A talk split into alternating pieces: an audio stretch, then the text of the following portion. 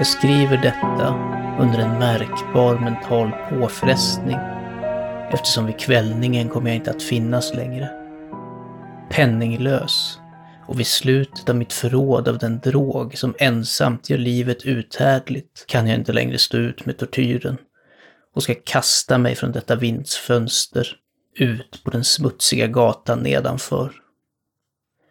Tro inte på grund av mitt slaveri till morfinet att jag är en vekling eller en degenererad. När du har läst dessa hastigt nedklottrade sidor kan du gissa, men aldrig helt inse, varför det är så att jag måste ha glömska eller död. Det var en av de mest öppna och minst trafikerade delarna av det breda Stilla havet som paketet till vilken jag var superkargör föll offer för den tyska sjöräden. Det stora kriget var då alldeles i sin början och hunnernas havsstyrkor hade inte helt sjunkit till sin senare degradering. Så vårt fartyg gjordes till ett legitimt pris medan vi av hennes besättning behandlades med all den rättvisa och hänsyn skyldig oss som sjöfångar. Så liberal var verkligen disciplinen hos våra väktare att jag fem dagar efter att vi togs till fånga lyckades fly ensam i en liten båt med vatten och proviant för ett gott stycke tid. När jag slutligen fann mig drivande och fri hade jag bara en svag aning om min omgivning. Jag var aldrig en kompetent navigatör och kunde bara vagt gissa på solen och stjärnorna att jag befann mig något söder om ekvatorn. Om longituden visste jag ingenting och ingen ö eller kustlinje var i sikte. Vädret höll sig fint och i oräkneliga dagar drev jag mållös under den stekande solen, väntande antingen på något passerande skepp eller på att kastas upp på stränderna av något beboeligt land. Men varken skepp eller land dök upp och jag började misströsta i min ensamhet på de hävande vidderna av obrutet blått. Förändringen skedde medan jag sov. Detaljerna kommer jag aldrig känna till, för min slummer, även om den var bekymrad och drömangripen, var sammanhängande. När jag till slut vaknade fann jag mig själv halvt nedsugen i en slemmig vidd av helvetisk svart myr som sträckte sig runt mig i monotoma vågformer så långt jag kunde se och min båt låg strandad ett stycke bort. Även om man kunde tänka sig att min första känsla skulle vara förundran över en så oerhörd och oväntad förvandling av omgivningen, så var jag i själva verket mer förskräckt än häpnadsväckt. För det låg i luften och i den ruttnande jorden en olycksbådande karaktär vilken kylde mig till märgen. Regionen var skämd med kadaver av ruttnande fisk av andra mindre beskrivbara saker som jag såg skjuta fram ur den otäcka leran på den oändliga slätten. Kanske kan jag inte hoppas kunna beskriva med enbart ord den onämnbara ohygglighet som vilade i den absoluta tystnaden och karga ofantligheten.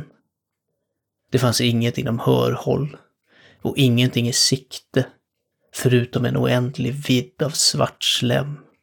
Men den kompletta fullständigheten av stiltje och det homogena landskapet betryckte mig med en kväljande skräck.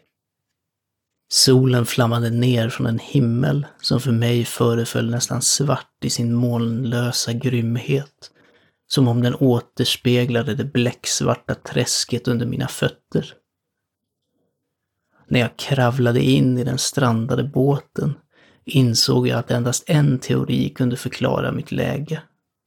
Genom ett oöverträffat vulkaniskt uppbrott så måste en del av havsbotten kastats upp till ytan, friläggande regioner som i oräkneliga miljoner år legat dolda under outgrundliga vattendjup. Så stor var vidden av det nya landet som hade rests under mig att jag inte kunde upptäcka ens det svagaste ljudet av böljande hav, hur mycket jag än spetsade mina öron. Inte heller fanns det några sjöfåglar som fästade på de döda sakerna. I flera timmar satt jag tänkande eller grubblande i båten, vilken låg upp på sidan och skänkte en lätt skugga medan solen rörde sig över himlen. Allt eftersom dagen fortgick förlorade marken något av sin klibbighet och det föreföll troligt att den skulle torka tillräckligt för att kunna färdas på inom kort. Den natten sov jag lite och dagen efter gjorde jag i ordning en packning med mat och vatten för mig själv som förberedelse till en resa på land i sökande efter det försvunna havet och möjlig räddning. På den tredje morgonen fann jag jorden tillräckligt torr för att gå på med lätthet. Och dörren från fisken var outhärdlig, men jag var för bekymrad med värre saker för att tänka på en så ringa ondska och begav mig järvt mot ett okänt mål. Hela dagen skred jag stadigt västerut, guidad av en avlägsen kulle som reste sig högre än någon annan höjd i den böljande öknen. Den natten slog jag läger och den följande dagen fortsatte jag min resa mot kullen, fast den verkade knappt närmare än när jag först hade lagt ögonen på den. På den fjärde kvällen hade jag nått basen på höjden, vilken visade sig vara mycket högre än den hade verkat på avstånd. En mellanliggande dalgång kontrasterade den skarpt mot den allmänna ytan. För trött för att påbörja bestigningen sov jag i skuggan av kullen. Jag vet inte varför mina drömmar var så vilda den natten. Men när den avtagande halvmånen reste sig över den östra slätten vaknade jag kallsvettig, beslutsam att inte sova mer. Sådana syner som jag hade upplevt var för mycket för mig att utstå igen. Och i skenet av månen såg jag hur oklokt det hade varit av mig att färdas under dagen. Utan det skarpa skenet från den stekande solen hade min resa kostat mig mindre energi. Sannerligen, nu kände jag mig fullt kapabel att utföra den uppstigning som hade avskräckt mig vid solnedgången. Jag tog min packning och började gå mot höjdens krön. Jag har sagt att kullarnas obrutna monotoni var en källa av vag skräck för mig. Men jag tror att min skräck var större när jag nådde toppen av vallen och såg ner på den andra sidan i en omätbar avgrund eller canyon vars svarta djup månen ännu inte hade svävat tillräckligt högt för att lysa upp. Jag tyckte mig vara vid världens ände, kikande över kanten ner i den eviga nattens bottenlösa kaos. Genom min fasa blev jag märkligt påmind om det förlorade paradiset och om Satans avskyvärda klättring genom mörkrets formlösa riken. När månen klättrade högre upp på himlen började jag se att dalens sluttningar inte var fullt så vinkelräta som jag hade trott. Avsatser och utsprång av klippor gav ganska lätta fotfästen för en nedstigning, medan efter ett fall på några hundra fot blev lutningen mycket liten. Påskyndad av en impuls som jag inte definitivt kan analysera klättrade jag med svårighet nerför klipporna och ställde mig nere på den mjuka sluttningen, stirrande in i de styggiska djupen där inget ljus ännu hade trängt in. På en gång fångades min uppmärksamhet av ett stort och enastående föremål på den motsatta sluttningen, som steg brant omkring hundra meter framför mig. Ett föremål som glänste vitt i den uppstigande månens nyligen skänkta strålar. Att det bara var en gigantisk stenbit kunde jag snart försäkra mig själv, men jag var medveten om ett tydligt intryck av att dess kontur och position inte helt och hållet var naturens verk. En närmare granskning fyllde mig med förnimmelser som jag inte kan uttrycka. För trots dess enorma storlek och dess position i en avgrund som gapat på havets botten sedan världen var ung, förstod jag utom tvivel att det märkliga föremålet var en välformad monolit vars massiva omfång hade känt till hantverket och kanske dyrkan av levande och tänkande varelser. Omtumlad och rädd Men ändå inte utan en viss spänning av vetenskapsmannens eller arkeologens förtjusning undersökte jag min omgivning närmare.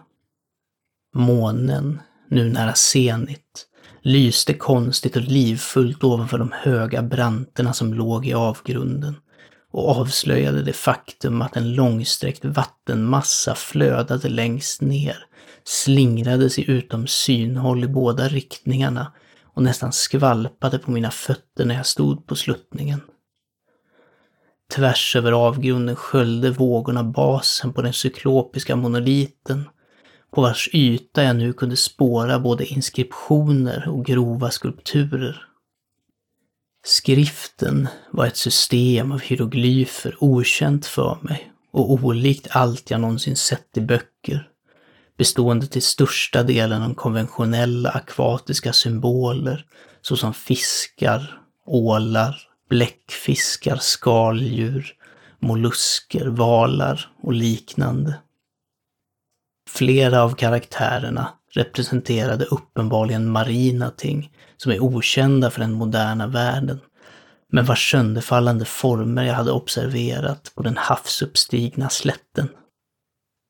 Det var dock bildristningen som gjorde mest för att hålla mig trollbunden. Klart synliga över det mellanliggande vattnet på grund av deras enorma storlek var en rad basreliefer vars motiv skulle ha väckt avundsjuka hos en dorej jag tror att dessa saker var tänkta att avbilda män. Åtminstone en viss sorts män. Även om varelserna visades lekande som fiskar i vattnet i någon marin grotta. Eller hyllande någon monolitisk helgedom, som även den verkade vara under vågorna. Om deras ansikten och former vågar jag inte tala i detalj. För blotta åminnelsen ger mig yrsel. Groteska bortom fantasin hos en Poe eller en Bulver var de förbannat mänskliga i allmänna konturer, trots simhudsförsedda händer och fötter, chockerande breda och sladdriga läppar, glasartade utbuktande ögon och andra drag mindre trevliga att minnas. Märkligt nog verkade proportionerna ha blivit illa utmejslade mot sin natursköna bakgrund. För en av varelserna visades i färd med att döda en val, representerad som bara lite större än han själv. Jag la märke till, som jag sa, deras groteskhet och märkliga storlek, men bestämde i ett ögonblick att de bara var imaginära gudar för något primitivt fiskar eller sjöfararstam någon stam vars sista ättling hade omkommit i poker innan Piltdown-mannen eller neandertalarens första förfader föddes. Vördnadsfull över denna oväntade inblick i ett förflutet bortom den mest vågade antropologens föreställning stod jag grubblande medan månen kastade undliga reflektioner på den tysta kanalen framför mig. Då såg jag den plötsligt. Med endast en lätt krusning som markerade dess uppgång till ytan gled saken in i synhåll över det mörka vattnet. Väldig, Polyfemos-liknande och avskyvärd rusade den som ett häpnadsväckande mardrömsmonster till monoliten, om vilken den slängde sina gigantiska fjälliga armar medan den böjde sitt avskyvärda huvud och gav utlopp åt vissa uppmätta ljud. Jag tror jag blev galen då. Av min frenetiska bestigning av sluttningen och klippan och av min yrande resa tillbaka till den strandade båten minns jag lite. Jag tror att jag sjöng till stor del och skrattade konstigt när jag var oförmögen att sjunga. Jag har otydliga minnen av en stor storm en tid efter att jag nått båten hur som helst, jag vet att jag hörde dunder av åska och andra toner som naturen bara yttrar i sitt vildaste humör. När jag kom ut ur skuggorna var jag på ett sjukhus i San Francisco. Förd dit av kaptenen på det amerikanska fartyget som hade plockat upp min båt mitt på havet. I mitt delirium hade jag sagt mycket, men funnit att mina ord hade fått ringa uppmärksamhet. Om någon landomvälvning i Stilla havet visste min räddare ingenting. Inte heller ansåg jag det nödvändigt att insistera på något som jag visste att de inte kunde tro. En gång sökte jag upp en hyllad etnolog och roade honom med märkliga frågor angående den forntida filestinska legenden om Dagon, fiskguden. Men när jag snart insåg att han var hopplöst konventionell tryckte jag inte på med mina förfrågningar. Det är på natten, speciellt när månen är halv och avtagande, som jag ser saken. Jag provade morfin, men drogen har bara givit övergående lättnad och slagit mig i bojor som en hopplös slav. Så nu ska jag avsluta det hela. Efter att ha skrivit en fullständig redogörelse för mina medmänniskors upplysning. Eller föraktfulla underhållning. Ofta frågar jag mig själv om inte allt kan ha varit en ren fantasm. Bara ett slag av feber när jag låg med solsting och yrade i den öppna båten efter min flykt från det tyska slagskeppet. Detta frågar jag mig själv. Men alltid kommer ändå en hygglig levande syn framför mig som ett svar. Jag kan inte tänka på det djupa havet utan att rysa för de namnlösa saker som kan i just detta ögonblick krypa och sprattla på dess slämmiga bädd, dyrkande deras uråldriga avgudabilder i sten och karvande sina egna avskyvärda likheter på undervattensobelisker av vattendränkt granit. Jag drömmer om en dag då de kan höja sig över de böljande vågorna för att i sina stinkande klor dra ner resterna av den ynkliga krigsutmattade mänskligheten. Om en dag då marken ska sjunka och den mörka havsbottnen ska stiga upp mitt i universell pandemonium. Slutet är nära. Jag hör ett ljud vid dörren. Som om en enorm hal kroppstrycks mot den. Det ska inte hitta mig. Ut, den handen. Fönstret. Fönstret!